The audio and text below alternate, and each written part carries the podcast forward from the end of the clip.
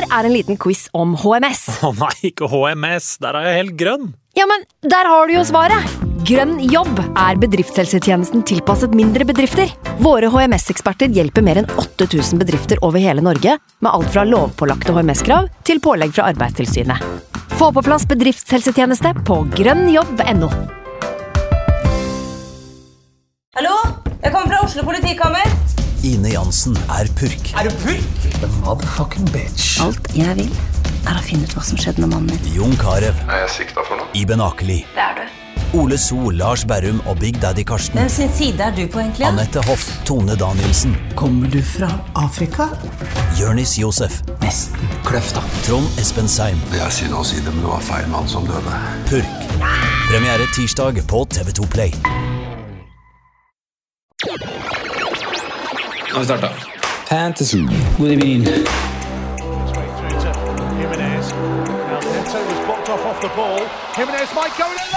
God to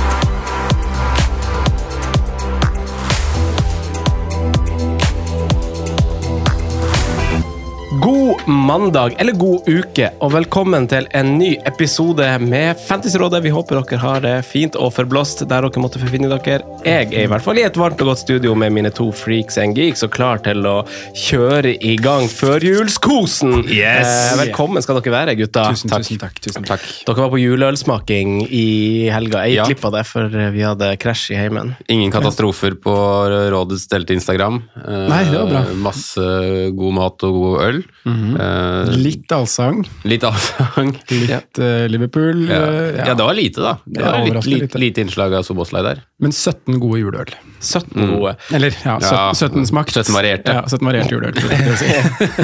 Det der, er, det der er vanskelig, for det kommer så masse juleøl. Jeg har hatt ansvar for det noen år, å liksom ta ut og Du har vært fordele veldig god på det, altså. Det, er, det har vært bra utvalg. Så det var Hoppet etter Wirkola som tok, tok det oppgjøret i år. Men, Men jo, takk, men det er vanskelig, fordi at det kommer så masse. Så masse brands, og så masse brands har så mange forskjellige varianter. For vi har jo en mal som vi følger på hva, hva som definerer en juleøl. Mm. Og juleøl er jo blitt akkurat som alle andre øl, det bare kommet en masse annen sånn drit. Akkurat sånn som potetgull og alt annet, liksom med brunostsmak og Det skal øl, ja. øl med mango og Ja, ja. Det, altså sånn, akkurat det samme skjedde med juleøl òg. Men så har jo vi en slags sånn mal på å finne det riktige juleølet med lukt, skum, smak Og farge. og farge. Ja. Eh, så, det, så man finner alltid en vinner i forhold til den malen, men så er det kanskje ofte noen andre man liker bedre. Så vil dere avsløre liksom en vinner dere vil anbefale ut ifra egen preferanse, da, riktignok. Jeg husker ikke hva lista ble til, til slutt der, men, sånn vi, vi, klarte, jo, men vi klarte faktisk å, å, å lage en totalliste. Det er vel bare, bare at det er godeste Hansen som har den lista nå, ingen av oss som sitter i, i studio. Men Ja, jeg husker, det jeg husker ganske godt, var at eh, den ene som på en måte ble veldig godt tatt imot, spesielt av deg og Hansen, tror jeg, mener jeg husker, var jo en som alle var enige om at ikke var en juleøl. Mm. For den var så lys og sånn, og så blir man litt sånn konflikt, da, fordi at det på, på, bakpå flaska så står det at denne her er jo laget for lutefisk, blant annet. Og da er jo egentlig liksom, ok, da burde vi jo egentlig vurdert den på en litt annen måte, kanskje, men det er jo blindtesting, ikke sant? Men den den skilte seg jo veldig ut, for det var jo en, en lys, nesten sånn tropisk ja, det veldig smak av Clementin. Ja, clementin sitrus. Så For å avsløre det, så var jo det Hansa sin Det var jo ikke poløl engang, det var butikkøl. Hansa sin vinterlys, tror jeg den heter. sånt, ja. Eh, 4,7 men, men det er sånn der klassisk Jeg hadde skrevet i mine personlige notater så hadde jeg skrevet 'dagens beste', men samtidig 'dagens dårligste'. så, så, på smak da, så var den noe lys og fin og mm, fin aroma og liksom, ve- veldig sånn juleaktig for min del der. Men det er jo en, en juleøl som sikkert er fin når du har tatt en del mørke, tunge juleøl. Spist ribba For du tar ikke så mange på rappen, egentlig. Nei, og da trenger du kanskje- altså, altså, I våre smaksprøver så er det jo liksom bare fem slurker, kanskje? Ja. Ish. Ja, vi Altså, hadde, det ble i- i- litt i år så var det bare fire stykker. Ja, dere dere var vel fire i år, ja. Vi var ikke de vanlige ni. Men, Men, eh, men, eh, Ja. ja. vi- Så vi hadde jo alt fra 4,5 da, cirka, i den der, til opp til 14 var vel den sterkeste. Ja, det var jo en ordentlig rakkere. Nøgne Øs in my big, big fat Greek Christmas. Ja. 14 så ut som bilolje. Men uh, den som fikk best på smak Jeg har faktisk notatene her. da. Den som jeg ga høyest på smak, da, hvis man kun skal gi smak her, var det Ås vellagret juleøl fra Polet. 9% Så det er jo en anbefaling. Fin, fin. Smaksanbefaling fra meg. der har vi jo litt sånn klok av skadeerfaring òg, for vanligvis har det vært vanskelig å tjukk, sette ei liste på hvor vi skal For vi kommer fra litt forskjellige steder i landet òg, så vi har fått, siden vi studerte i lag på idrettshøyskolen, så har liksom vi hatt litt ansvar for å ta med fra vårt lokalområde. Ja. Så det har jo liksom vært og pusha 30 øl og Det er har blitt for mye. Ja, og så runder du opp med en eh, flaske Solora-akevitt, så er du der, da. Ja, sant. Da snakker vi plutselig. Eh, Men apropos jul og kos og dødsbra ting. To veldig bra ting eh, med Fantasyrådet òg. Det første er hvis du skal bli Patreon, hvis du skal bli Patreon igjen, hvis du vurderer det, hva det måtte være, så er dette riktig tidspunkt å bli det på.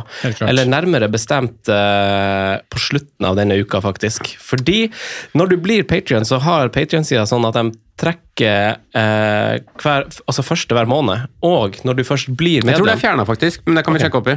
det kan vi sjekke opp i. Men uansett, du får hele desember, og nå ruller vi i gang med midtukerunder og julerunder. Og det som skjer i jula, er jo at dere er jo borte. Mm. Eh, Det er for så vidt jeg også, jeg er i Nord-Norge, så vi spiller ikke inn vanlige episoder. Men vi spiller fortsatt Altså, jeg sender jo lagoppstillinger til dere litt sånn før det kommer her, da. Det er i sant, Norge. for du er foran oss i tid. Så Ja. det, det, vi får teamleaks fra Simen på Patreon. ja. Eh, men uansett, vi kommer til å spille inn Patreon-innhold mellom eh, slagene som ikke kommer inn som podkast. Så Mm. hvis du skal bli Patreon, eller bli det igjen, da vet du sikkert hva det betyr å være i desember. Det er superbra. Og Allerede Så- neste uke så har vi et tilfelle hvor runden avsluttes torsdag, og neste runde igjen starter på lørdag. Ja, Og da rekker ikke vi innom i, i studio, så da blir det en episode der. Ja, korrekt. Veldig godt eksempel. Og sånn er det et par ganger også i jula. Mm. Eh, og studioet for så vidt også stengt i jula, så vi kan ikke være her. Men eh, eh, bli Patrion nå. Eh, varm, varm anbefaling. Og apropos det, Patrions har selvfølgelig eh, booka plasser på vår live eh, sending Mhm. på førstkommende tirsdag eh, i Karl Johan. Ikke førstkommende, det er i morgen. Det er i morgen. Nestkommende. Nestkommende. Tirsdag 5. desember.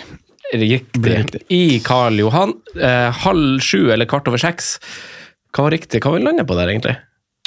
Det husker jeg faktisk ikke når du spør, men, men kom i hvert fall til seks. Vi landa vel på at vi skulle starte halv sju, eller på det som står på Facebook-arrangementet. Ja, det er jo kanskje det folk burde gjøre. Så rekker du en øl i baren, og så er vi, vi klare med program. Mhm. så, altså det blir jo ikke en vanlig episode, men det blir jo en episode til runden som, som kommer, helt fram til deadline der. Ja. Og så Ja, blir går vi over en heidundrende nydelig quiz for å drepe dødtida, fram til matchene starter på kvelden her. Jeg har starta på mitt ansvar av quizen, og det blir King Kong. Det har dere òg. Vi har testa hverandre litt. Det blir superbra. Vi skal ha quiz, og så blir det to kamper i Premier League. Det blir en sånn kjempefin eh, Altså, det blir en hel kveld. Det blir eh, seks timer hvis du vil. Kanskje åtte-ni hvis du vil ende opp på Blaze eller eh, noe sånt. Fullt kjør. Ja, det var min preferanse. Vorspiel med, vorspiel med Konja, nachspiel på Blaze. Det høres ut som en helt prima aften, altså. ja, ja. Det er bra, det. Nei, det oh, blir Som vi skal bytte på når Wolverhampton er da, for, Ja, ja, ja, ja, ja, Burnley, Burnley hjemme. Konja skal på. Ai, ai, ai. Ja, sant. Det begynner, du, må, ja, du må gjøre handlinga di. vi, må ha en, vi må ha en spiller der den kvelden. Du, Ja. du sitter jo for så vidt med mye Arsenal, men vi må jo inn i Wolverhampton. Ja, vi må kanskje Det Det. Ja, det Det er dødsartig. Hjemme mot Burnley. ja. Hjemme mot Burnley.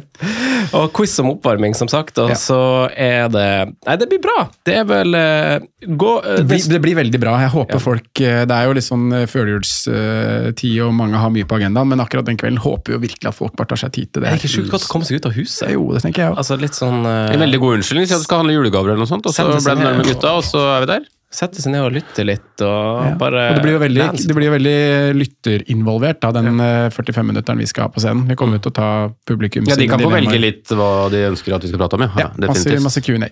Og så er det gratis. Gratis. Viktig. 100 Ja, det koster jo, koster å kjøpe noe i baren, da. Ja, det gjør det. Og så har de mat der. Det funker også bra. Så ta med quizlaget eller venner. Det er ikke fantasy-quiz, det er jo liksom Det blir innslag av det. Ja, men innbakka i en uh, måte som uh, også casuals kan svare på. Syns nevne Tidsreise i Premier Leagues Ja. Uh, Jeg synes vi skal nevne det du sa tidligere i dag, Sondre. Og at vi ønsker å gjøre quizen aktuell til litt mer moderne, nyere tid. Fordi vi syns det er litt kjedelig noen ganger når vi er på quiz, og så er det bare spørsmål om hva som skjedde på 90-tallet og sånne ting. Det kommer ikke på quizen hos oss. det Det. blir primært 2010 og ut. Ja. Et lite hint der. Kan folk eh, lese seg opp. Superbra. Da får de faktisk et lite hint, ja. Eh, det var det jeg hadde fra promoen der. Vi har promo, Facebook, eh, må man gå inn på. Eh, Der jeg skrevet i notatene. Det er et arrangement. Patrion og eh, liven hva er det jeg har skrevet. Men jeg har skrevet at eh, liksom, som man gjør på YouTube, jeg ber folk om å like, subscribe og kommente. Ja, så må, ja, det var med meninga. Ja. så må man gå inn på Facebook nå mens du gjerne lytter på podkasten, og bare Jeg tipper jo du liker Fantasyrådet som sier. Mm. Eller så må du gjøre det. Ja, det er veldig mange som gjør det, så jeg tror de gjør det. Men da må du gjerne, hvis du ikke kan komme, uavhengig av hvor du bor i landet, så må du bare trykke at du er interessert. Ja. For det sprer på en måte arrangementet veldig bra. Jeg inviterer jo veldig mange av eh, vennene mine og veldig mange og søsken og sånn som bare sier at de er interessert, og så havner det i feeden til andre folk. Mm. Så det er jo en kjempetjeneste. Det er jo ikke plass til sånn supermange folk der, men eh, men eh, ja, folk tenker på det. Jeg kom Ring, er vel- tidlig, så hvis ikke så risikerer du rett og slett å bli stående på utsida. ja, ring The Wild Rover hvis du vil uh, booke plass. Jeg tror det går. Ja, ja, ja. Eh, rundene våre Det har vært en eh, veldig veldig lavskårende runde generelt, og en eh, kjempedårlig runde for meg. Hvis vi skal ta det sånn som vi tar Eliterådet, som vi spiller inn etterpå, eh, sesongens siste episode, så kan jeg jo ta ta i ånd av det være meg først, for jeg er mest ræva denne runden. Eh, sparte bytte. Jeg vurderte to ting. Det ene var å ta ut cash. Eh, jeg droppa det for at jeg ikke visste hvem jeg skulle sette på. Jeg hadde satt på Arsenal, hadde det ikke vært for at det var Brentford borte. Eh, det var det jeg ønska. Det burde jeg jo i etterpåklokskapens navn ha gjort. Eh, Det gjorde jeg ikke. Eh, Det andre jeg vurderte, var å gjøre noe på midtbanen. Eh, Det gjorde jeg heller ikke.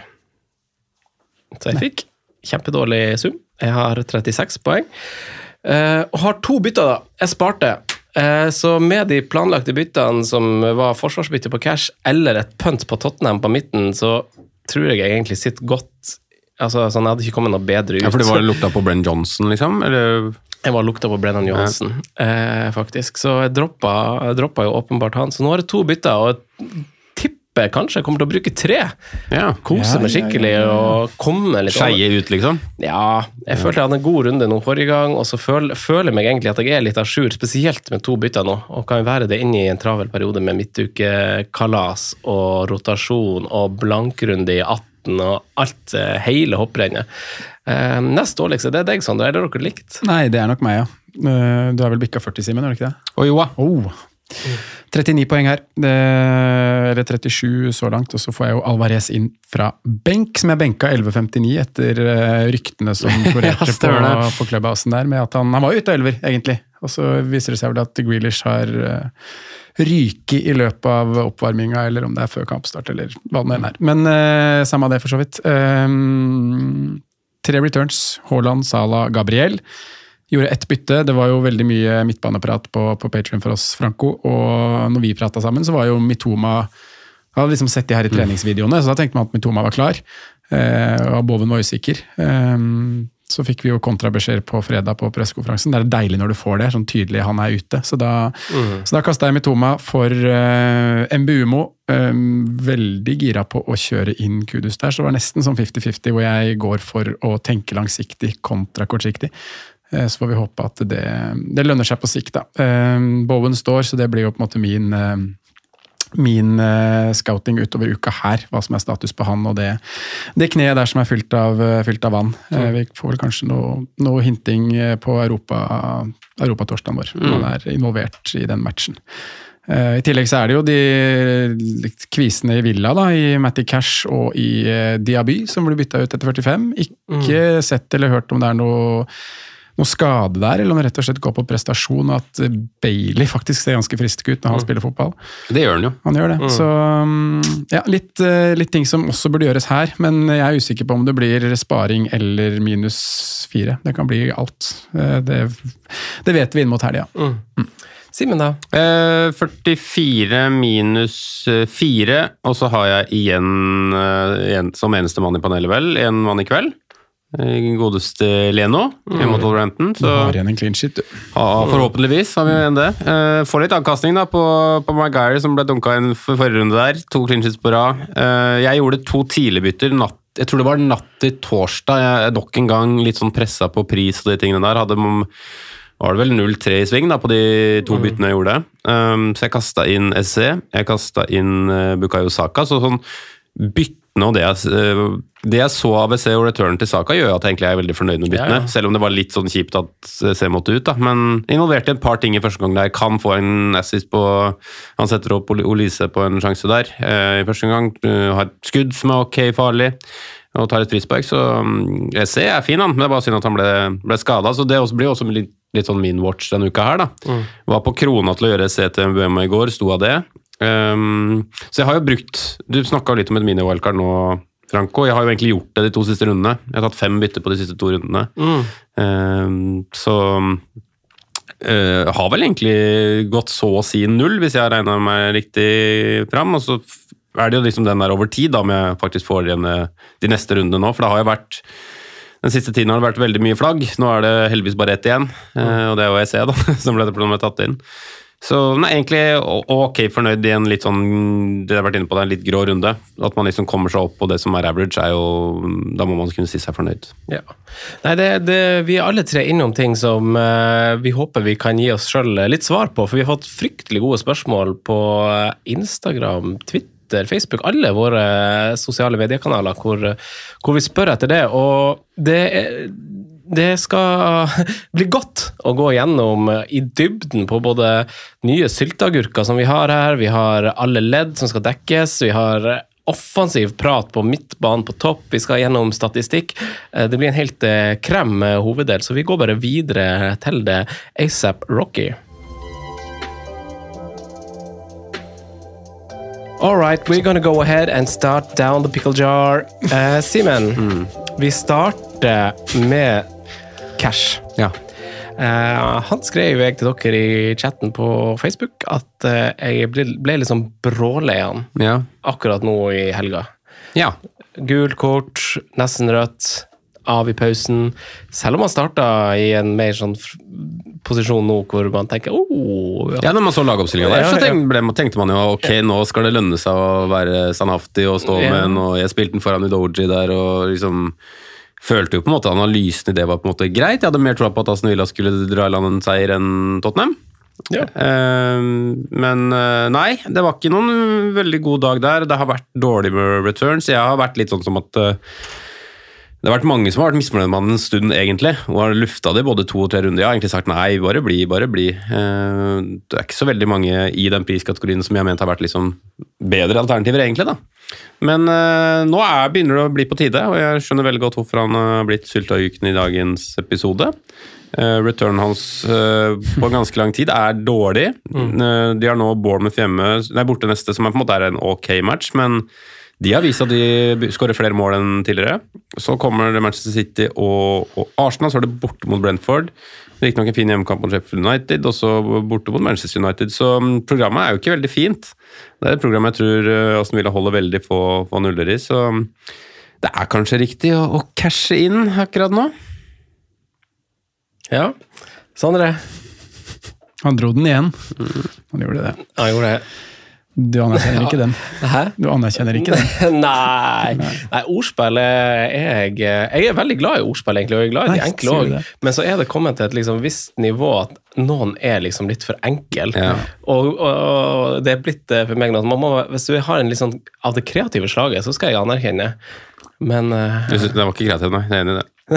Nei, det, det skal du ikke få for. Eh, men, men altså, sånn, det, altså, det er jo en veldig enkel måte bare på å lette en samtale litt. Altså Å kjøre et ordspill, selv om det ikke er Jeg følte ikke at det der letta samtalen på noe som helst. Nei, nei men du, skal, du skaper på en måte et slags øyeblikk. Du skapte, skapte sånn derre ett sekund still, klein stillhet. Ja. Det gjorde det faktisk det. Men det er jo, hvis du kjører det i, et, i en seriøs sammenheng, eller noe sånt, så på en måte du får på en måte liksom den litt kleine, litt viben, litt, litt noen syns det er litt fun, altså sånn, og så får man kanskje ikke sånn alvorlig preg over den stunden som kanskje er litt sånn grå, egentlig. Ja, det vært første gang man prata om han, i en sånn, så hadde jo noen letta litt på smilet og he-he. Det var Ja, kanskje litt for noen år siden, gått videre, ikke sant? Ja.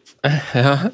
Men, eh, men eh, vi har jo cash. eh, Vi har cash. Alle mann, egentlig. Ja. Og jeg er egentlig enig med deg, eh, Simen, at sånn, i liksom, den prisklassen, når man ser kanskje for seg at man kan bruke han i en eh, rotasjon, og Villa er ganske god, og sånn, og han spiller litt ut av posisjon, så så er det jo isolert. Det er vanskelig å argumentere mot det, altså. Eh, men nå, nå Ja. kan vi hente litt penger der også. Det er det som er, nå ser det ut som han kommer til å synke i verdi i løpet av uka, så man må være rask hvis du kjøpte han sent. Men, eh, men uh, vi har jo en tendens til å irritere oss over spillere, Sondre. At eh, spillere vi har, selv om han koster det, så vi, har vi visse forventninger eh, når Ja, han spiller på et topplag. Det er ikke på en måte, det, det er ikke nok. Han må jo levere òg. Og forventningene til Cash har jo blitt ganske høye. De har ganske store forventninger til han, uten at man egentlig Han har jo ikke levert noe sånn målpoengsmessig, eh, verken tidligere sesonger Han har vel en sesong med fire mål, men eh, i år så er det to skåringer og én assist. Eh, de målene kom vel i samme kamp, om jeg ikke husker helt feil. Eh, Utover det så har det ikke blitt noe særlig, men likevel så har det vært en sånn eh, enorm forventning før hver runde, eh, og det er jo flere grunner til det. Villa er et kjempebra fotballag. Eh, De skårer mye mål, han har han har ikke bare spilt back, han har spilt offensiv, men han har spilt høyre kant, og han har hatt ekstremt gode underliggende tall.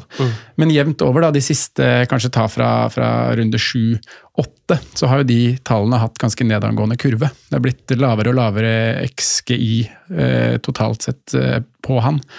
Um, så man må enten justere inn de forventningene litt og tenke som du, du sier her, Franco, at det, han er en fin rotasjonsspiller da, som kan komme inn og gjøre, gjøre jobben her i enkelte kamper mot, mot lag som Bournemouth, Brentford, Sheffield United, som de jo møter i løpet av de neste, neste seks.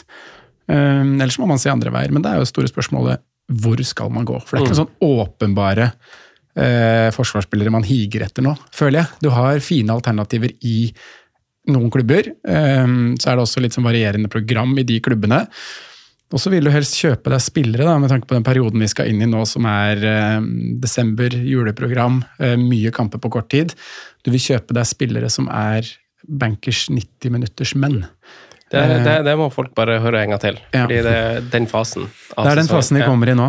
Eh, Og kanskje det laget du har mest lyst til å investere i noe defensivt i, da, som, er, eh, som er Arsenal akkurat nå.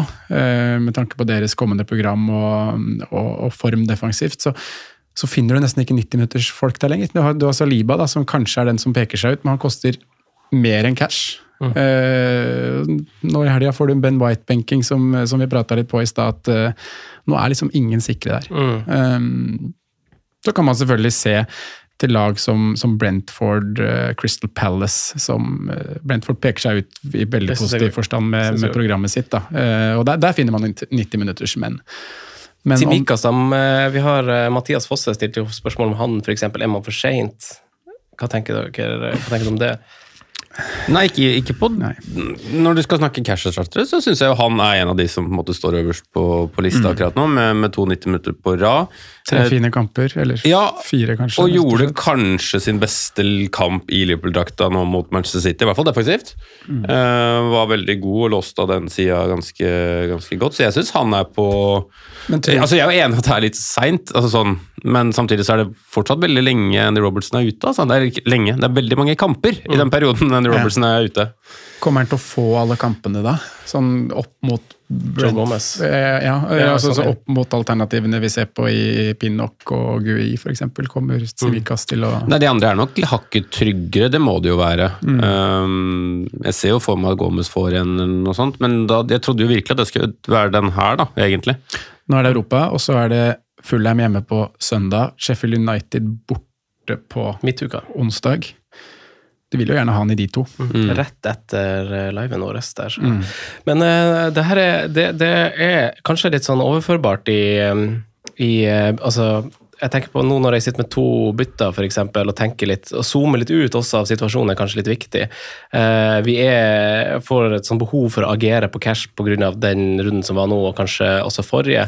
Ja, flere Eh, runder, rett og slett. ja, egentlig. Og så, var det liksom dråpen som fikk begeret til å renne over nå. Mm. Og så har han Bournemouth, som jo er en kamp som hvis vi ville ha spurt litt tilbake, det er et, eh, et, et slags topplag som møter et ræva lag. Mm. Eh, jeg tror riktignok kanskje at Bournemouth skårer, sånn som vi ser tendensen kanskje er Enig akkurat nå, både med at de har hjemmebane og kanskje formen til Bournemouth og Villa sin evne til å ikke la være å slippe inn mål. Så så skjønner jeg jo at byttet der kan være bra nå, men jeg vet samtidig ikke meg med to bytter om det er riktig prioritering. For jeg føler at nulla er så utrolig vanskelig å spå. Eh, å satse på en null eh, er vi, vi ser jo det, det har, har jeg også gjentatt litt, at, men ser jo det at eh, selv de beste lagene har jo ikke nullen i halvparten av kampene en gang i løpet av en sesong. Vi har unntak med Liverpool, City og United sånn her og der, men sånn vanlig, altså sånn, alle slipper inn mål hele tida. Så stole på clean sheets og prioritere bytte bak. Det sitter langt inne når det står Bournemouth der, i stedet for nå føler jeg liksom vi kan bevege oss inn i eh, Lars Melangen, Sondre. For jeg, fø- eh, som, som eh, egentlig bare du har tatt et ansvar for å besvare. For han stiller et litt stort spørsmål, og du kan jo ta det også når du først skal, skal besvare det, tenker jeg. Og så håper jeg vi kan flette litt inn bare sånn hvor vi vektlegger byttene, tankene og sånn, har jula og runde 18, som jo er blenken til både Brentford og City i runde 18. Eh, For mange av de heteste navnene nevnes jo både bak og eh, på midten i Brentford, f.eks. Mange har to fra, kanskje tre fra City. Så det er noe å tenke på når eh, vi går inn i jula og eh, det spørsmålet fra Lars Melangen, Sondre. Ja, og, det, det gikk jo på Han ønsket at vi skulle snakke litt om, om det offensive, da, og, og ville gjerne at vi så litt på Først og fremst eh, la fram litt underliggende tall. Hvilke lag er det som har imponert i siste, siste perioden? Og mm, da dra det over i en eh, prat om alternativer derfra. Så jeg har, jeg har satt litt, eh, litt eh, statistikk ned på papiret her. eh, Huka av de siste fire runder. Sett både på lag og sett på enkeltspillere. Mm. Når det kommer til lag, så har jeg tatt for meg store sjanser skapt. Rene sjanser skapt, skudd i boks og XG. Det vi ser der, er at det er jo åpenbart de samme lagene som, som kommer ut på, på de fire kategoriene. Da. Eh, Manchester City skaper flest store sjanser. Eh, Villa og Liverpool er nummer to. Brentford nummer fire blir det da. City skaper 15, Villa Liverpool 14, Brentford kommer så med 11. Eh, sjanser skapt. Eh, City topper også der, 59, Liverpool 53, Villa 50, Arsenal Bournemouth på, på 42. Så Bournemouth skaper mye sjanser. Eh, er ikke mye store sjanser, men det er mye sjanser generelt. Skudd som leder til en eh, avslutning. Eh, skudd i boks, City nummer én, Bournemouth nummer to. 44 skudd i boks på Bournemouth, City 46. Villa 42, eh, Chelsea 40. Så kommer Liverpool og Arsenal med 38. Eh, XGI de siste Eller XGI, XG blir det. XG de siste fire rundene. Eh, City på topp. Chelsea nummer to. Der er jo den her eh, Spurs-kampen som sikkert drar de veldig opp, og som også drar opp en annen spiller vi skal nevne seinere her, i, i Nicholas Jackson. veldig. Um, de kommer altså på andreplass der med, med 9,63 i XG. Eh, Villa nummer tre og Liverpool nummer, nummer fire. Um, hvis vi ser litt på spillere, da. Um, der har jeg sett på, på skudd, skudd i boks, XGI og sjanser skapt. Um, flest skudd siste fire rundene. Darwin Nunes med 21. Haaland på andreplass med, med 17 skudd. Videre følger en trio uh, på, på 13 skudd. Mbumo, Solanke og Phil Foden. Jackson ligger på 12 skudd siste fire. Watkins med 10. Eh, så måtte jeg litt lenger ned på lista for å finne andre populære navn som jeg tenkte vi kom til å snakke om i dag. Eh, Alvarez har ni skudd, Salah har åtte skudd, Son har syv skudd de siste fire rundene. Så er vel da de tre skåringene som Son har i går, som alle har annullert, de er vel ikke med på den statistikken her. Nei. Så han har jo virkelig Hvis vi snakker om underbetaling og hva som kunne vært den runden her, alle som cappa Son, uh, uflytt. Det er sprøtt å få tre skåringer annullert, faktisk. Ja, og han har vel også assisten på Kulisevskij har denne stolpen der. Det er vel også gjennomspill av Son, om jeg ikke husker helt feil. Um, av disse skuddene så er det Haaland som har flest i boks. 16 skudd i boks. Núñez følger med 14. Solanke 12. Så Solanke kommer høyt ut her. Bournemouth kommer høyt ut på, på, på sjanser og, og skudd i boks eh, totalt. Så det er verdt å merke seg Dominic, altså. Um, videre følger Jackson og Botkins med 10 skudd i boks. Mbuemo 9. Eh, av andre populære navn der så har vi Bowen på ni, vi har Son på seks, vi har Salah på seks, og vi har Palmer på fem skudd i boks de siste fire. XG involvement eh, kan bare ta lista der, da. Trenger ikke å ta akkurat hva de ligger på, men Haaland topper foran Watkins, Jackson og Palmer. Videre følger Mbumo. Eh, litt lenger ned på lista finner vi Salah, Solanke og Alvarez er ganske lav XG. Den ligger på to. Um, verdt å merke seg nå, da, som, som kommer ut på, på tallene som handler om skudd, um, det er jo at vi ikke har nevnt noen Arsenal-spillere. Mm. Både Saka og Martinelli ganske lave, lave, eller dårlige tall når det kommer til skudd og, og skudd i boks. Eh, tar vi og filtrerer etter sjanser skapt, så kommer disse gutta høyere opp. Eh, overraskelsen, jeg måtte ta, ta en quiz på dere i stad, hvem som lå på, på topp på sjanser skapt siste fire rundene. Det var det ingen av dere som klarte. Eh, Gudmundsson i Burnley er tilbake. Tolv sjanser skapt siste fire rundene. Starta Hadde vært imponert av noen, av oss tok faktisk. Ja, den, Du var inne på det, for du hadde jo en spiller som er i litt samme kategori, som var, hadde vel også gjennombruddssesongen sin når Gudmundsson var bra i Burnley forrige periode. Så har Pascal Gross bare klart å holde nivået. Eh, men han er nummer to på lista, Simen. Pascal Gross sammen med James Ward-Prowse, sammen med Alvarez og sammen med Martinelli, som har skapt elleve sjanser. Eh, ti sjanser har eh, Bernardo Silva. Bakayo Saka og Gallagher skapt. Så, så det er det jeg har tatt ut av, av tall. Uh, syns jeg det er um, ja, sånn- jeg synes En grobunn til diskusjon der er å snakke litt om det med Arsenal, et lag som har veldig fine kamper, hvor de offensive kantene ikke produserer i nærheten av hva de har gjort tidligere på, på underliggende tall. Eh, De skaper sjanser, men eh, vi har snakka mye om at Arsenal har litt mer sånn foten på bremsen i år, og kontrollerer mer kamper. Eh, Noen spillere vi har fått veldig mange spørsmål om her, da. Nunes, Mbumo og kanskje Solanke og Palmer også, har relativt gode tall. Ja. Ja, det er veldig fine statistikker. Så Mm, det er jo veldig masse å bite seg merke i, syns jeg, både på godt og vondt. Mm. Og jeg kan Arsenal ta Arsenal, så jeg fikk, jeg fikk sånn- spørsmål om det fra. Roger òg på Twitter. Og det med kantene og sånn er jo kanskje litt sånn Forsvar òg, hvis vi skal ta den kjapt, så er det jo ingen som er trygg, bortsett fra Saliba. Derfor stiger jo han til værs i pris. Og som vi snakka om i stad, så kan det jo kanskje være verdt å tenke Gabriel foran han nå. Og, og så vet du at han kanskje bare starter ni av ti, men så er det kanskje godt nok. Eh, å spare de 0,6 eller 0,7 eller det som eventuelt skiller nå. Fordi eh, mannen som spiller skikkelig bra der om dagen, i tillegg til Saliba, er jo Tomiyasu. Og han kan spille på begge backene. Så at de tre kanskje vil rullere litt. At Zinchenko starter noen på venstre, og så er det White igjen, og så starter Tomiyasu på benken, og så starter han for Zinchenko kampen etter, og så kanskje for White etter det. Altså, At det blir en sånn slags rotasjon nå inn i jula, da. Eh, På kantspillerne så er det jo veldig sånn Det er blitt veldig annerledes, og jeg husker jeg beit meg merke i det etter eh, etter satt på Martinelli og den kampen, for han har vært så vanvittig masse involvert hele tida når han spiller. Eh, og så så jeg bare Hvem var det mot? Var det mot Brentford, eller? Nei, det var det ikke, det var jo nå. Eh, Burnley? Ja, det var kanskje Forrige noe sånt. og så så jeg bare sånn, for det er jo hver gang Martinelli har ballen, så ser dere hvis dere ser Arsenal òg, at eh, spillere avventer litt med å gå inn i boks. At alt avventer, for Han skal settes opp litt én mot én, utfordre, komme ned, og så skal det slås litt ut på litt sene bevegelser. er nesten en sånn gjentagende. Du ser ingen som på en måte styrter inn og skal ha den der på baksida av forsvaret fra han. Det altså, I den kampen så var det bare to, tre, fire spillere i sikring på han hver gang. Så da blir det enten en støttepasning, eller at du liksom tar ett steg ut, og så whipper du en cross på bakerste.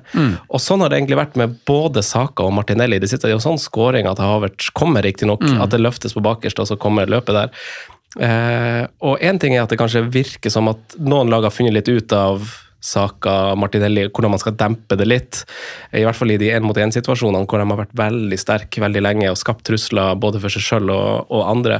Eh, så nå kommer det litt sånn, og det virker som det er litt sånn Arteta sin kontra på det òg.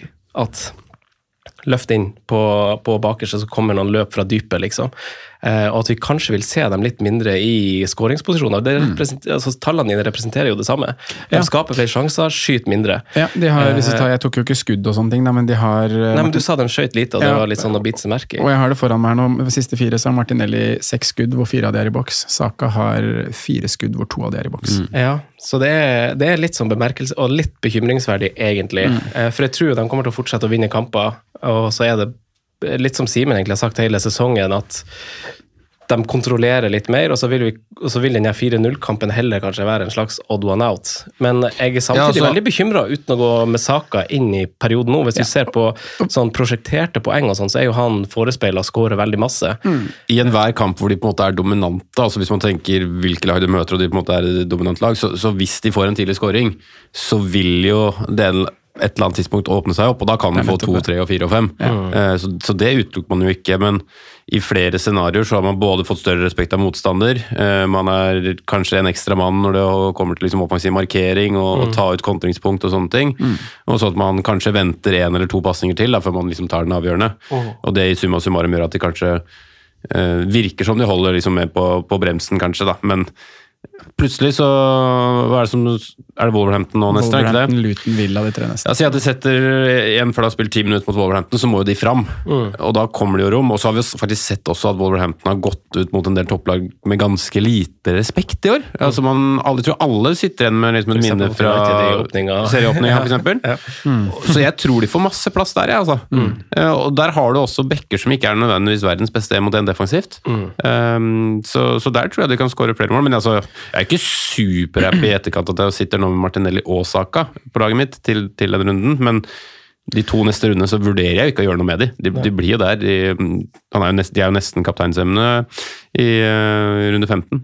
Og bare for å, for å ta det med Saka, da, så vi, Jeg husker vi satt sånn her foran Burnley-kampen. Jeg presenterte jo også ganske dårlige tall på Saka i forkant av den kampen, hvor mange hadde skissert å bytte han inn.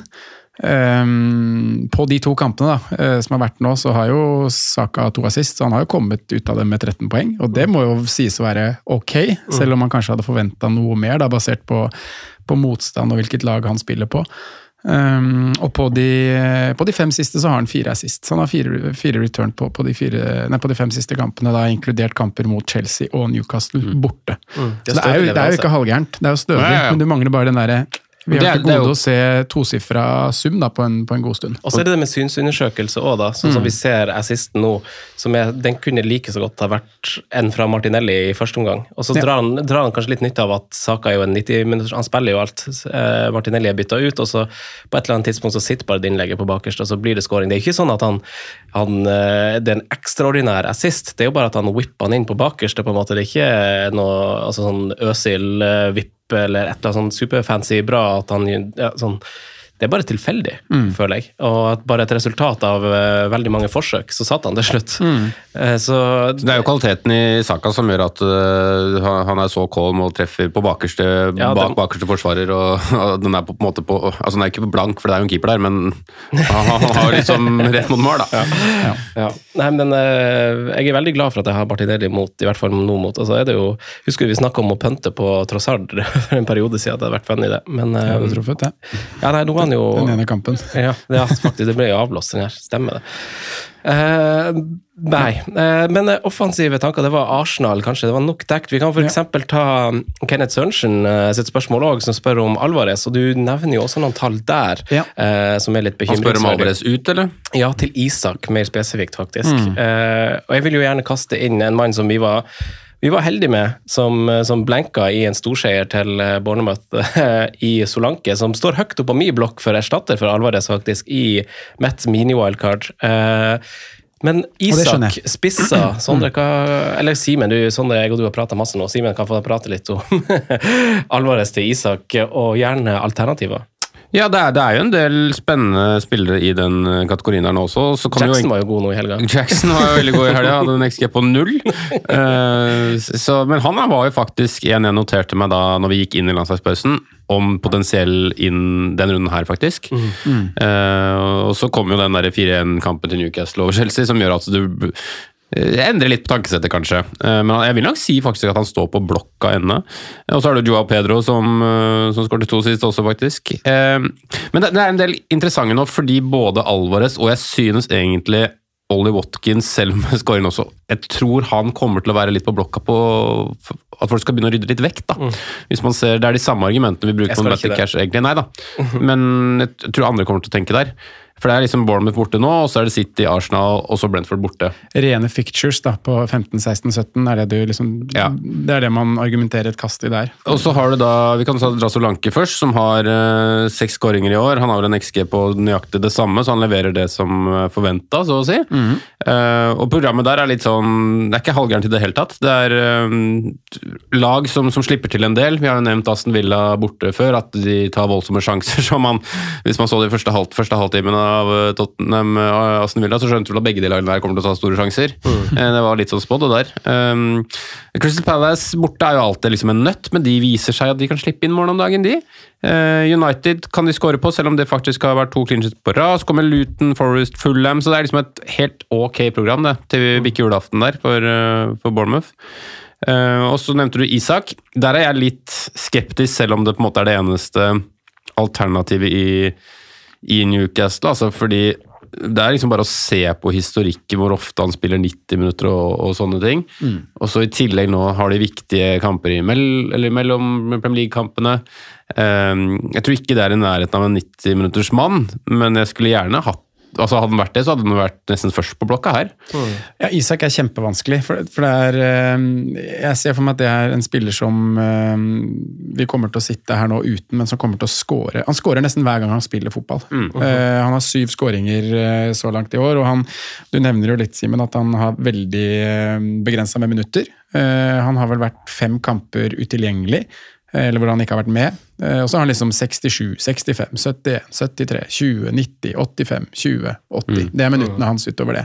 Men syv skåringer. Eh, enormt klinisk og, og, og farlig i, eh, i hver eneste match. Men jeg er helt enig med deg med tanke på ref tilbake til desember, da, perioden vi skal inn i. Tett, tett kampprogram. I tillegg så er Newcastle i Europa. Selv om det ikke er noen sånn åpenbar erstatter i, i Wilson der akkurat nå, så kan Gordon spille spiss. De kan dytte Joe Linton opp. Eh, Newcastle har også vist at de kan komme med spillere som vi ikke visste om, som plutselig kan komme inn og gjøre en, gjøre en god jobb. Så mm, jeg har lyst til å si ja, for jeg tror Isak kommer til å levere, men samtidig så føler jeg det er feil med, på, Fantasy akkurat nå. Da. Så virker det også litt som han har litt samme type fysikk som Wilson også, at han sliter ofte med et eller annet. Eh, det er jo derfor du nevner at han har vært mye utilgjengelig, og sånne ting, men det føler det har vært litt sånn hele tida med Alexander Isak, at det, liksom, det skal lite til før det liksom vippes litt av pinnen, da, og borte en match eller to. Eh, så, så jeg ikke så jeg føler jo at man brenner seg når man sier på en måte nei til Alexander Isak. Fordi han kommer nok til å skåre fine mål han, og utover, men eh, jeg hadde ikke vært komfortabel med det. Eh, nei. Jeg syns jo allikevel også det er en fin advarsel å gi om akkurat det. Men jeg føler også at vi fikk en eh, Og så slapp vi litt billig, eller han fikk jo bare to poeng, Alvarez, men vi fikk en advarsel også fra City her at nå er det nærliggende med benking av eh, Alvarez. Ja, for den der, vi må ta Alvarez ja, ja, vi må det. Han Ja. har eh, svake tall, som du sier, for så vidt. Eh, han har blank i runde 18.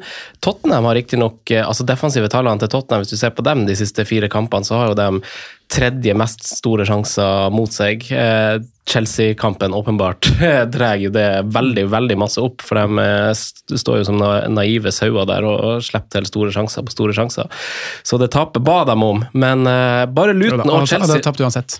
Ja, men uh, Luton og Chelsea eh, er de eneste lagene som har sluppet til eh, færre, nei, mer store sjanser enn det Tottenham har. Altså, en ting er liksom statistisk den svake kampen, men vi, de har jo en slags, hadde jo en slags unsung hero i uh, van de Feen, egentlig, Tottenham denne sesongen, som jo var skreddersydd det systemet til Postekoglo og, og litt høy linje og demme opp for kontringsfare.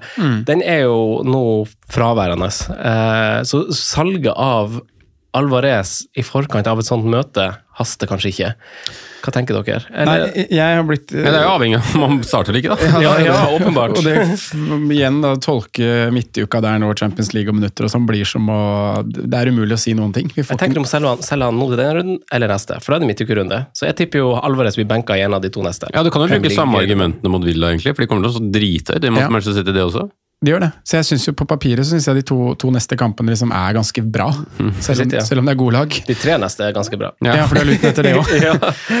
og, og- og det som er med Alvarez, det er at han, han, selv om han har liksom ikke de beste underliggende tallene, så har han fortsatt helt ok. Og han, han skaper jo nesten flest sjanser av alle de siste fire rundene. Han er nummer to på den lista, slår alle dødballer, um, har ni skudd. Så det er ikke sånn krisestats. Så nei, jeg, jeg synes den er Det handler egentlig om man starter eller ikke, og det kommer vi aldri til å vite. Nei. Nei. Det, er jo, det er jo åpenbart der, mm. der problemet ligger når det gjelder eh, spesielt City, fordi at eh, det vil alltid være god grunn når man ser på kampprogrammet til å beholde.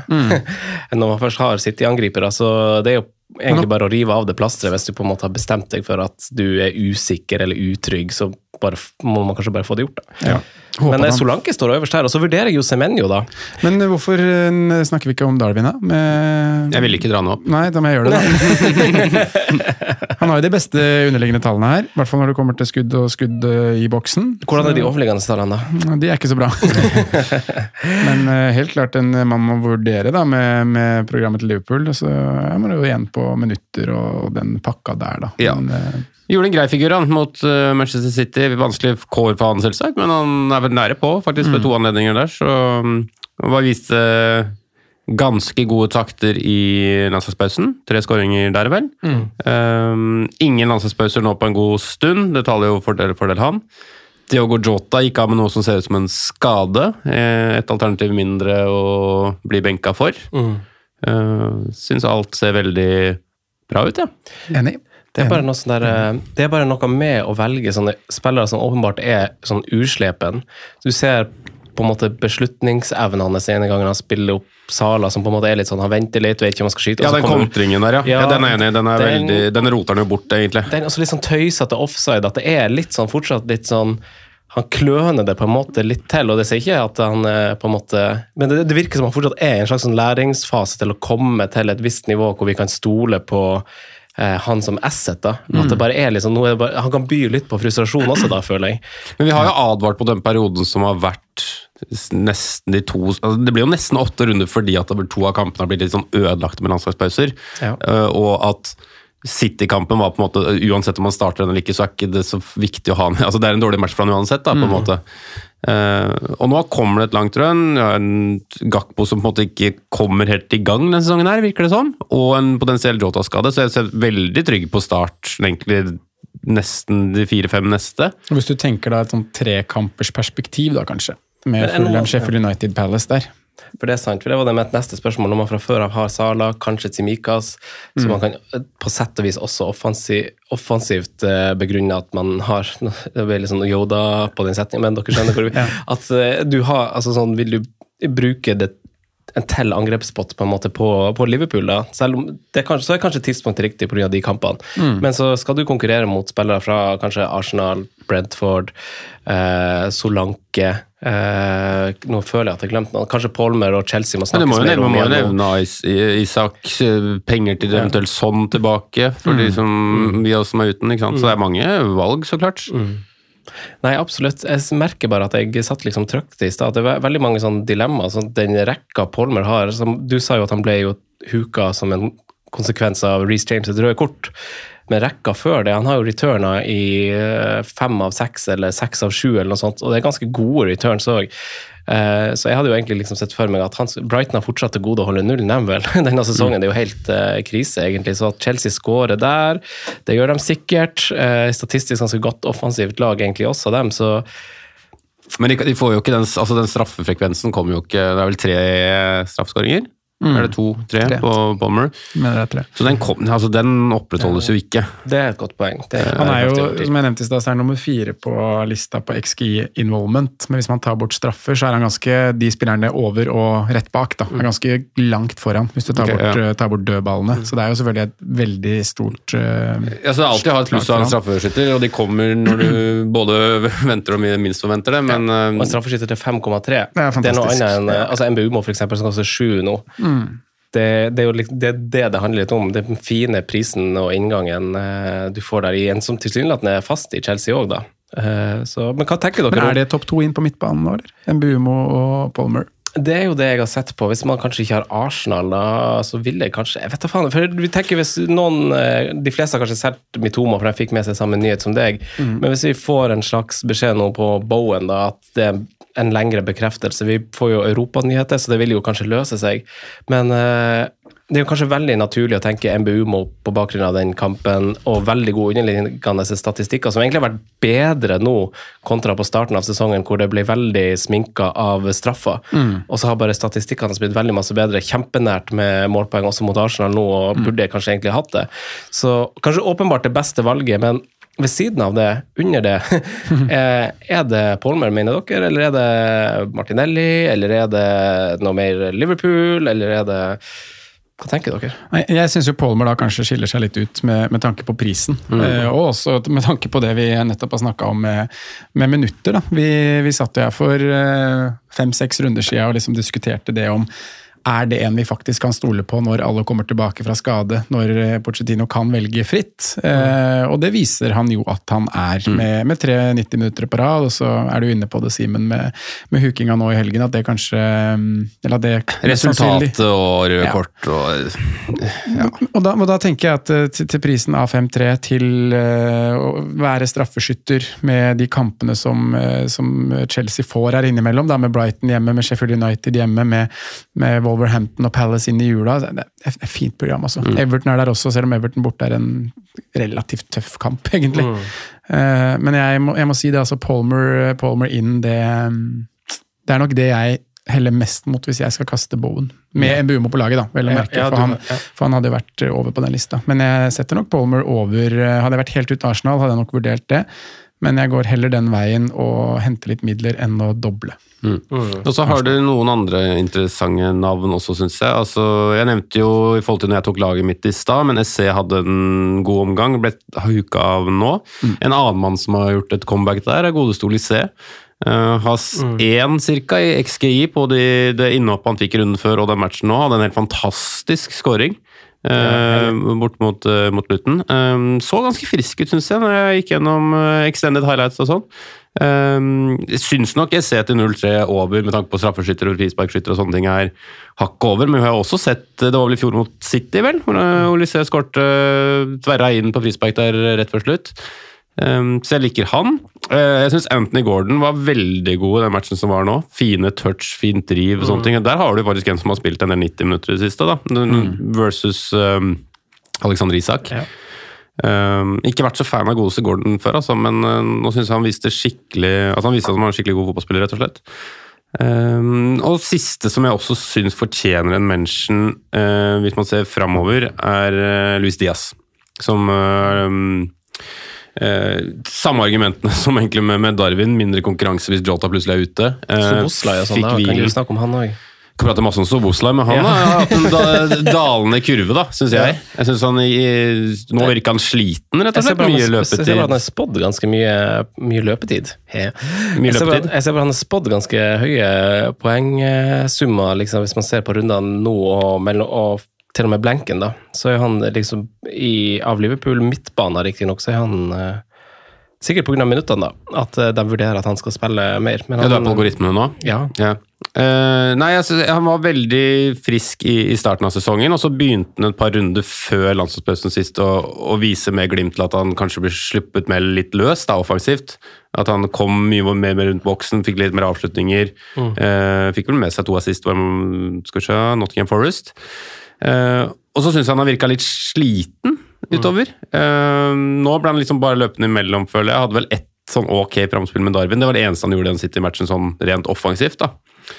Um, så litt mer negativ til den formkurven uh, der, dessverre. Men uh, det kan hende at det hjelper uh, å ikke spille på Etiad også. Altså. At man har kommet seg litt over, kanskje få Graven inn på andre sida, som også skaper en del plass og liv og røre. Så fortsatt positiv der, men uh, var kanskje mer positiv som et fancy assets for et par runder siden. Ja, sant. sant, sant. Uh, nei, det var egentlig vi har, Jeg syns vi har dekket veldig masse av det offensive, både på spisser og på midtbane. Jeg vet ikke om det er noe mer. og sånn. Jeg prøvde å se på Se om vi kunne grave fram et navn til. Spillere glemt. Vi, Ja. det, det klarer vi, tror jeg. jeg, ser, jeg ser jo det er jo, altså det som går igjen litt sånn, er jo spått veldig høye summer tidvis her i spesielt runde 18, 17 og 15, hvis vi skal fortsette på det algokjøret. Men sånn gjengående i den perioden her, så går jo Sala åpenbart på topp, men Arsenal kommer jo, kommer jo med der. Og så er det jo kanskje det vi har glemt eh, utover MBUMO og sånn, er jo eh, United. Som, Har vi eh, ja, kanskje ikke. Men uh, Bruno, de eh, vinner jo nå. Veldig overbevisende, iallfall på papiret, mot, uh, mot Everton. Og skårer jo årets mål tidlig der. Og Ah, herregud! Overgår Rooney der. Å, vi- torde katta vi å for en påstå. Helt sprøtt. Ja, det, det er helt vilt. Rashford får seg en straffe der, og kanskje havne i flyten. Skal- Kanskje han havner i flyten, men timingen litt ikke, ikke helt eh, bytte inn, kanskje, eller? Med Newcastle borte. Nei. Nei, altså de hadde, det var jo en kamp, kamp hvor på en måte 0-3 er flatterende, i den forstand at begge lag skaper egentlig veldig mye. Det kunne liksom vært 2-2, 3-3. Mm. Eh, men de drar det i land. Eh, de har vel to på rappen, to nuller på rappen, så Tre nuller på rappen. Eh, så, så det ser jo mye bedre ut. Det er sikkert en bedre, bedre stemning, men de er jo langt fra på en måte friskmeldt, eller hva man skal si. Og jeg syns ikke at liksom enkeltspillere offensivt liksom virkelig viser at de er i god form. Det syns jeg ikke. Nei. Nei. Uh, så jeg syns ingen enkeltspillere er på blokka der nå, for å være helt ærlig. Nei, jeg, nei, jeg, er- jeg er enig, jeg. Men det er bare um, fordi vi, vi snakka jo litt om det, at det er jo, selv om de drar i land, eh, noen av de her trepoengerne, så føler vi jo at det ikke altså Selv United-fansen også ser jo på en måte Det er ikke noe sånn overbevisende. Og vi kan gå helt tilbake til sesongåpninga igjen mot Wolverhampton, og vi kan ta Brentford og, videre. At det har på en måte vært litt sånn de slapp med skrekken, eh, selv om de, altså de vant på en lite overbevisende måte. Ferguson gjorde også ofte det, Mm. men, eh, men det var på en måte tegn på et topplag. Det her er litt mer sånn tegn på at eh, du vil ikke på en dårlig dag nå. Nå, har, nå føler vi at det er litt mer sånn tilfeldighet og flaks kanskje, og udyktighet fra motstander, som gjør at det har blitt litt sånn. Det var en litt annen ryggrad og pondus i, i de Ferguson-sesongene enn det som er, er nå. Og så handler det også veldig mye om konkurrentene. Ja. At de er fryktelig mye bedre enn det de var på den, på den tida. Men det skal jo også sies at de er ganske ramma av uh, forfall i troppen her, altså. Ja. Uh, ja, Nå veit jeg faktisk ikke årsaken på, på enkelte, om det er noe Nei, covid, men, nei. men du har liksom en del av de som du egentlig skal bygge rundt, da, som er ute og sliter med ting. Uh, Martinez, Casemiro. Vet ikke om man skulle bygge rundt Mount, men Mount er vel ute en måneds tid, var det noe prat om nå? Høylund var ute nå også, så de, de sliter med en del forfall, altså. Det virker som et veldig vanskelig prosjekt. det der. Jeg føler bare at eh, det, altså det United som vi har vokst opp med, og sikkert majoriteten av supportere som hører på, føler jo kanskje at det de savner litt i United, det er jo kanskje en viss sånn identitet sånn, For vi har jo vokst opp med sånn Dette er Manchester United. Absolutt. Det er winning team, liksom, og man kjenner alle karakterene i backrekka. Det er liksom sånn rød tråd som og her, Nå er det så masse utskiftning, sykdom, spillerkjøp, gamle spisser som kommer inn og roterer. Det liksom det landes liksom, det settes liksom alle liksom det der eh, dette er laget vi skal bruke og sette. Det er bare For de får det bare ikke til. De plager sånn. Ja, altså no, på, I mange klubber så har de jo på en måte typer som, som ikke er større enn klubben, men er veldig store idoler, veldig store stjerner, og, og driver med sitt og styrer og sånn, men i, i andre klubber så føler jeg de fortsatt de holder seg liksom til rammen og regelsettet, og de- setter liksom klubben først. da. Jeg føler at det har vært sirkus i mange år, men det er jo på en bedringsvei, det må man kunne si, men Han har til og med på seg sixpence nå. Han, etter lag. Det, er- det er det Fergie-fotspor på Men- men- høy klasse. Men jeg sliter jo fortsatt med å forstå hva godeste Ten Hag egentlig prøver på.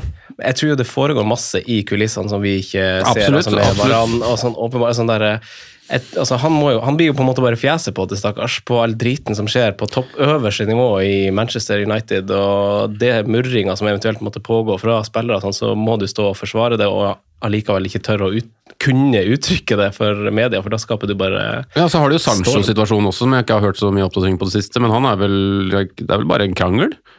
eh, på noe vis, eh, som gjør at han ikke trener med, med laget. Men du har jo også kvitta deg med en del typer de siste åra også, som sikkert har vært eh, veldig godt. da. Så, så de kommer nok tilbake på, på et vis, men det er såpass gode lag som er, er foran de nå, at det er, ikke, det er ikke gjort på en sesong eller to, antageligvis. Det kreves nok enorm dyktighet i de folka de henter inn framover, og, og flyt og god trener og alt det der. Seks poeng opp til førsteplass. Det er ikke så krise, det, altså. Nei, det- det- altså, det føles bare ikke sånn at de er så nært. Topplagene er de har jo gitt fra seg masse poeng i år. Ja, da. de det. Men uh, hva du sier Sondre, skal vi gå videre til spalte, da, eller? Ja, vi kan jo godt det. Jeg tenkte det var to midtbanenavn til som var verdt å nevne, da, i og med at uh, vi prøvde å dra fram litt uh, alternative veier. eh, som Doko? ikke er nevnt enda. Hm? Dokoré? Dokoré burde jo kanskje vært nevnt, Simen. Han er jo ganske høyt på, på statstoppen, men uh, Topp 10 XG? Ja, det er han faktisk. Hvordan plass? 10. Jeg spurte Sondre om det før vi gikk i dag. Men eh, Westham har fortsatt bra program, så hvis Bowen er ute, så kan han fortsatt vurdere å hoppe sideveis, sånn som jeg vurderte denne runden her. Eh, Kudus har vel to tosifra summer på de tre siste. De møter Palace, Spurs, Fulham og Wolverhampton de fire neste, så han bør jo Han er morsom. Han er morsom spiller. Tikker 90 minutter nå, så, så Kudus er et eh, alternativ, syns jeg. I tillegg til at Morgan Gibbs White Ja. eh, skaper bra med sjanser, og har faktisk ganske bra eh, tall hva kommer til skudd og skudd i boks og XGI involvement. Så mm, jeg syns begge de to er eh, alternativer, liksom kom- Kommer ned, litt under de vi har snakka om på lista, da. men det er veldig fine alternativ hvis du virkelig ønsker å gå for en, eh, en differensial, for de er jo veldig lite eid, både Gibbs White og Kudus. Det er jo litt Gibbs White-kjærlighet uh, i fansrådet. Det Jeg er jo veldig glad i han som fotballspiller, men ah, jeg er så klassisk nå. Nå begynner det å bli litt interessant. Fått på seg en tolvpoenger der, én pluss én, og så er det blanks i fire på rad. Ja, kampene er vel veldig fine òg, så det tilsier vel i hvert fall blank. Ja, så mens uh, vignetten går nå, så går du inn på Facebook og joiner eventet på liven neste tirsdag 5. desember, som er gratis i Karl Johan på The Wild Rover. Du går også og blir en Patrion. Vi er tilbake med spalte om litt. Og så hopper vi til spalten. Franco nevner spillere som kan være aktuelle slags populære valg. Rådets spillevalg. Jeg tror jeg skal ta den uforberedt hver gang. Yes, vi er kommet til eh, spaltedelen av eh, programmet vårt, og vi skal til algoritmelaget som var på et wildcard. Det kjørte vi på Patrion, Sondre, eh, og dekte det. Vi satte opp et lag Det var litt tricky. Eh, Skal vi ta det her på lufta? Har dere lyst til det? Ja. Da må jeg eh, logge inn på det, så dere må bare gi meg eh, Men det var masse utskiftninger, vi hadde et lavt, lavt budsjett. Vi hadde 99,9 pga. fredagsbyttene, som vi også gjør ofte liksom, i Patrion-episoden, fordi algoritmen endrer jo mening i løpet av uka fra forslaget vi, vi foreslår her, men det fikk 30 poeng. Eh, så det har fortsatt Leno igjen, men det hadde jo, vi hadde jo Reece James. Eh, den vil jo ha Saliba. Benka Villa Selv, altså. Det gjorde vi. Benka Baldock òg, som, fikk, eh, som fikk assist. Mhm. Så det var ikke så prima. Eh, Solanke er på topp der. For øvrig Oi, jeg zooma jeg ufrivillig inn på det. Det var ikke meningen. Skal vi se. Det er fin midtbane, altså. Ja, Den sitter, den. den gjør, den gjør i grunnen det. Så vil dere høre hva Vil dere prøve å gjette hva Når du leser opp midtbanen, Sondre, skal jeg f- Sala. Son, Mbumo, Ese, Palmer. Og så er det kanskje ikke lyn fra klar himmel hva den mener at vi skal bytte ut denne runden. For den tar jo først og fremst hensyn til det som brenner mest, virker det som. Uh, Ja, Reece James fikk jo rødt kort. Jepp. Den vil bytte ut Reece James, Uh, og vet dere hvem den vil ha inn? Um, Som nummer én. Ja, det vet jeg. Det har faktisk endra mening fra i stad, Simen. For vi så på det for to timer siden. Oh ja, det er det. ja. Ja, hva jeg sa da? Trent. Eh, sidetrack, da? Nei, det, det har vi ikke råd til, Nei. så det var ikke et forslag. da sa den eh, Gabriel, men nå er det Pinnock. Ja. Ethan Pinnock. Uh, Ethan Pinnock, der står det altså Jeg vet ikke hva det her betyr, om det er projected points eller ikke, men det står James til Pinnock, best evaluation pluss 4,8. Står det. Mm. Eh, og så står det pluss 4,6 på Gabriel, som er foreslått som Det neste. nest betyr at forventa poeng økes Ja. med fire poeng. Det er det jeg også lurer. Det er det jeg har antatt alltid i eh, i, eh, i dette delen av Og så må det vel være over fire for at det skal være verdt et bytte, med mindre du har to. Ja, kanskje det. Hør på han. Eller noe i den den duren. Ja. Men eh, anbefaler han to bytter? eller? Nei, anbefaler bare ett. Bare ett. Eh, og det er det.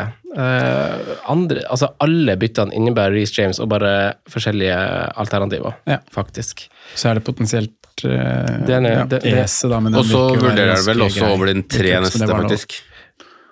Ja, ja, ja, her, så, så vi kan se liksom den, den, eh, Vi har fått tre sånne foreslåtte linjer, som det står. Uh, Så Gameweek 14 foreløpig er Reece James til Pinnock. Gameweek 15 Palmer til Hee-Chan Wang. Eh, Gameweek 16 Palmer ut, faktisk. Gameweek 16, Ja, i neste runde, riktignok. Ja, det er jo i forkant av trip, to Walker. ganske tøffe, er det ikke det? Når det snakka om i stad, da er det United borte og Og, Everton borte. det, er foresl- det, er for, begge de. det er forslaget på alle tre linjene foreløpig. Palmer til, eh, til Hee-Chan i Gameweek 15. Så Ja, men Bra det var en dårlig runde for det laget der. Det var Ja. godt. Deilig. Eh, Uheldig med sonecap. Ja. Kunne jo blitt massivt. Nå skal vi ha konkurransedelen, og det er min tur. Eh, jeg har eh, Det er i ånd av episoden, det burde vi også hatt med i innledninga, fordi at det kan jo kanskje hjelpe litt. Men eh, vi er jo kommet eh, litt i gang på ute i sesongen, og vi må kanskje satse litt visse plasser, og andre ser kanskje etter navn som ligger litt under radaren, eh, og vil kanskje skaffe seg en boost sånn umiddelbart. Så jeg vil, finne, jeg vil at dere skal finne den spilleren dere tror er den beste Mitoma-Bowen-erstatteren jeg har skrevet. Så midtbanespilleren liksom i prissegmentet 7 og ned, under 10% som gir deg den grønne diffepila allerede fra førstkommende runde. Så vi får poeng på én runde. Ja. Så det skal på en måte gi et byks til spilleren som velger, velger den spilleren dere velger. Skjønner dere? Eh, ja. jeg- Det skal være en spiller under få mest 10 mulig poeng. som denne runden. Han skal være under eller 7 millioner eller mindre, og eid under 10 Er dere med på den? Jeg er med på den. Den er veldig rett fram. Ja, du er klar? Men eh, ja, Nei, jeg må vel se litt, da. Men jeg, oppgaven var, var enkel å forstå. Tenk høyt, da. Når dere vurderer, for det er jo altså sånn som Jeg kan godt tenke høyt, men da tror jeg jo at jeg prater på De- Son- Sondre nevnte jo mannen i stad. Jeg kan ta de som, altså de som er øverst. Saka, Sala, Son, Mbumo, Bowen, Mitoma, Diaby, Fernandes, Ødegaard, Gordon, Rashford, Palmer, Madison, Douglas Louise, Ward Prowse er de spillerne dere ikke har lov å velge. Nei, ja. Det er ikke mange der som er under sju millioner heller, for så vidt. Nei, det er ingen. Nei, én. Ja, To. Ward Sprouse, Douglas Louise, Palmer. Ja, så tankene slo meg jo rett på den du nevnte i stad, Sondre, med Kudus. Ja. Det her også, altså. Um, Gibbs White. Ellers er jeg litt på en spiller som var helt eh, vanvittig god på, på Etihad uh, i tidligmatchen på lørdag. Som klarte å karre til seg tre bonuspoeng uten å få målpoeng. Jeremy Doku. Jeremy Ja. Doku. Herregud, så masse som går gjennom han. Mm, Har du tenkt på det, eller? Ja, Han setter seg opp hele tida. Jeg likte den ene situasjonen hvor Foden egentlig har fri bane på høyresida. Stopper opp, triller for at de skal over på venstresida. De skal ikke gå og angripe på høyresida, de skal angripe på venstre. Det er veldig fascinerende. Doku er, og så har vi jo det, det spørslaget der som jo nå vil være sårbart for den hurtigheten hans, tenker jeg. Det er riktignok Porro der, så de har relativt riktig, ja, riktig Det er nok et gir ekstra på godeste Jeremy. Ja, det tenker jeg òg. Men eh, med ball VS uten ball der. Mm, Jeg er fortsatt der at jeg ikke tror det blir så utrolig mye målpoeng der, altså. Men det har jo blitt sju til nå, da. Hvor masse må Kan du spørre Franco om det er målpoeng i Doku? Ja. Jeg har hatt den inne Herregud. Er En runde? Ja. En runde. Herregud, de byttene jeg har eh, Det er liksom byttene jeg har gjort ut denne sesongen, som har vært min store akilleshæl. Ja, det er best når du ikke bytter. Ja, faktisk. Du sa vi God, god å velge, Du sa vi ikke kunne velge Gore. Ja, han er på 13 ja. Da kan du ikke velge han, bro. Da kan du ikke velge han bro. Nei, han hadde det vært morsom, koker jo ned til et par navn her, ja.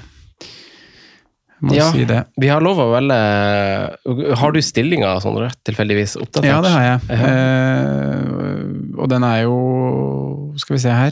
Det er knepen ledelse på For vi hadde på ikke Franco forrige, fordi- foran Simen. Nei, Simen leder foran Franco. Og jeg er et litt stykke bak. Ok. Ja, Simen Knepen på meg nå. Jeg tok litt igjen på han forrige på Difficap. Tok to poeng. To poeng bare. Ja, Mm. ok. Så hadde vi ingenting forrige uke, nei. Nei, fordi da var ikke du her. Du var i Alania. Jeg var i Alania. Eh, Gibbs White Ja, den er ikke dum, Simen. Gibbs White, hvor masse er han eid av? 1,4. Det er jo faktisk megahot å gå så langt ned i uh, Han er hot. Ja. Han er megahot. Megahot. Mm. Ja. Blir uh, SE klar, da? ja, tror du? Jeg turte ikke å ta sjansen på det. Åh, meg står det mellom Martinelli og Stirling. Martinelli er det vel litt for dyr? Martinelli, ja, Stirling for er jo dyr. en kjempefin Martinelli er jo altfor dyr. Martinelli er altfor dyr. Ah, han er for dyr! Stirling Det er dyre kriterier. Ja, så, da, sorry, det er han selvfølgelig. Det blir Stirling hos Ja, meg. ta Stirling. Ja. Den er fin. Han er under ti, ja. Jeg går for Doku, jeg. Ja, fin trio, det. Så ingen går kudus. Prøver det. Prøver det. Råfint. Da er det Det ble en god en i dag. Husk eh, live. Live. Husk Patrion. Mm. Eh, noter i kalenderen. Noter alt der du hus gjør at du husker ting. Mm. Dette blir eh, kjempeartig. Vi har med merch og så videre og masse fun stuff.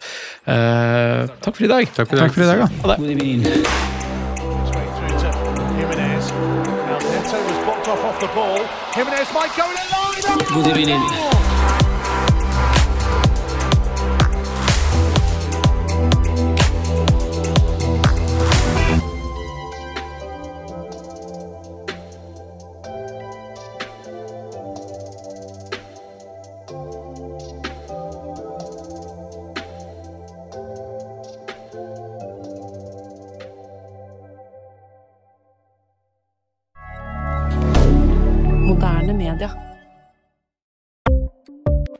Ukens annonsør er Folio, en smartere banktjeneste for deg som har en egen bedrift eller ønsker å starte for deg selv.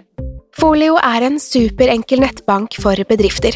Som kunde i Folio får du en bedriftskonto med et bedriftskort og app. I denne appen er det smarte løsninger som forenkler regnskapet ditt, uansett om du har en liten bedrift eller et enkeltpersonsforetak. Folio er både intuitivt og brukervennlig, og er laget med et enkelt språk. I tillegg tilbyr de forutsigbare priser og ingen skjulte gebyrer.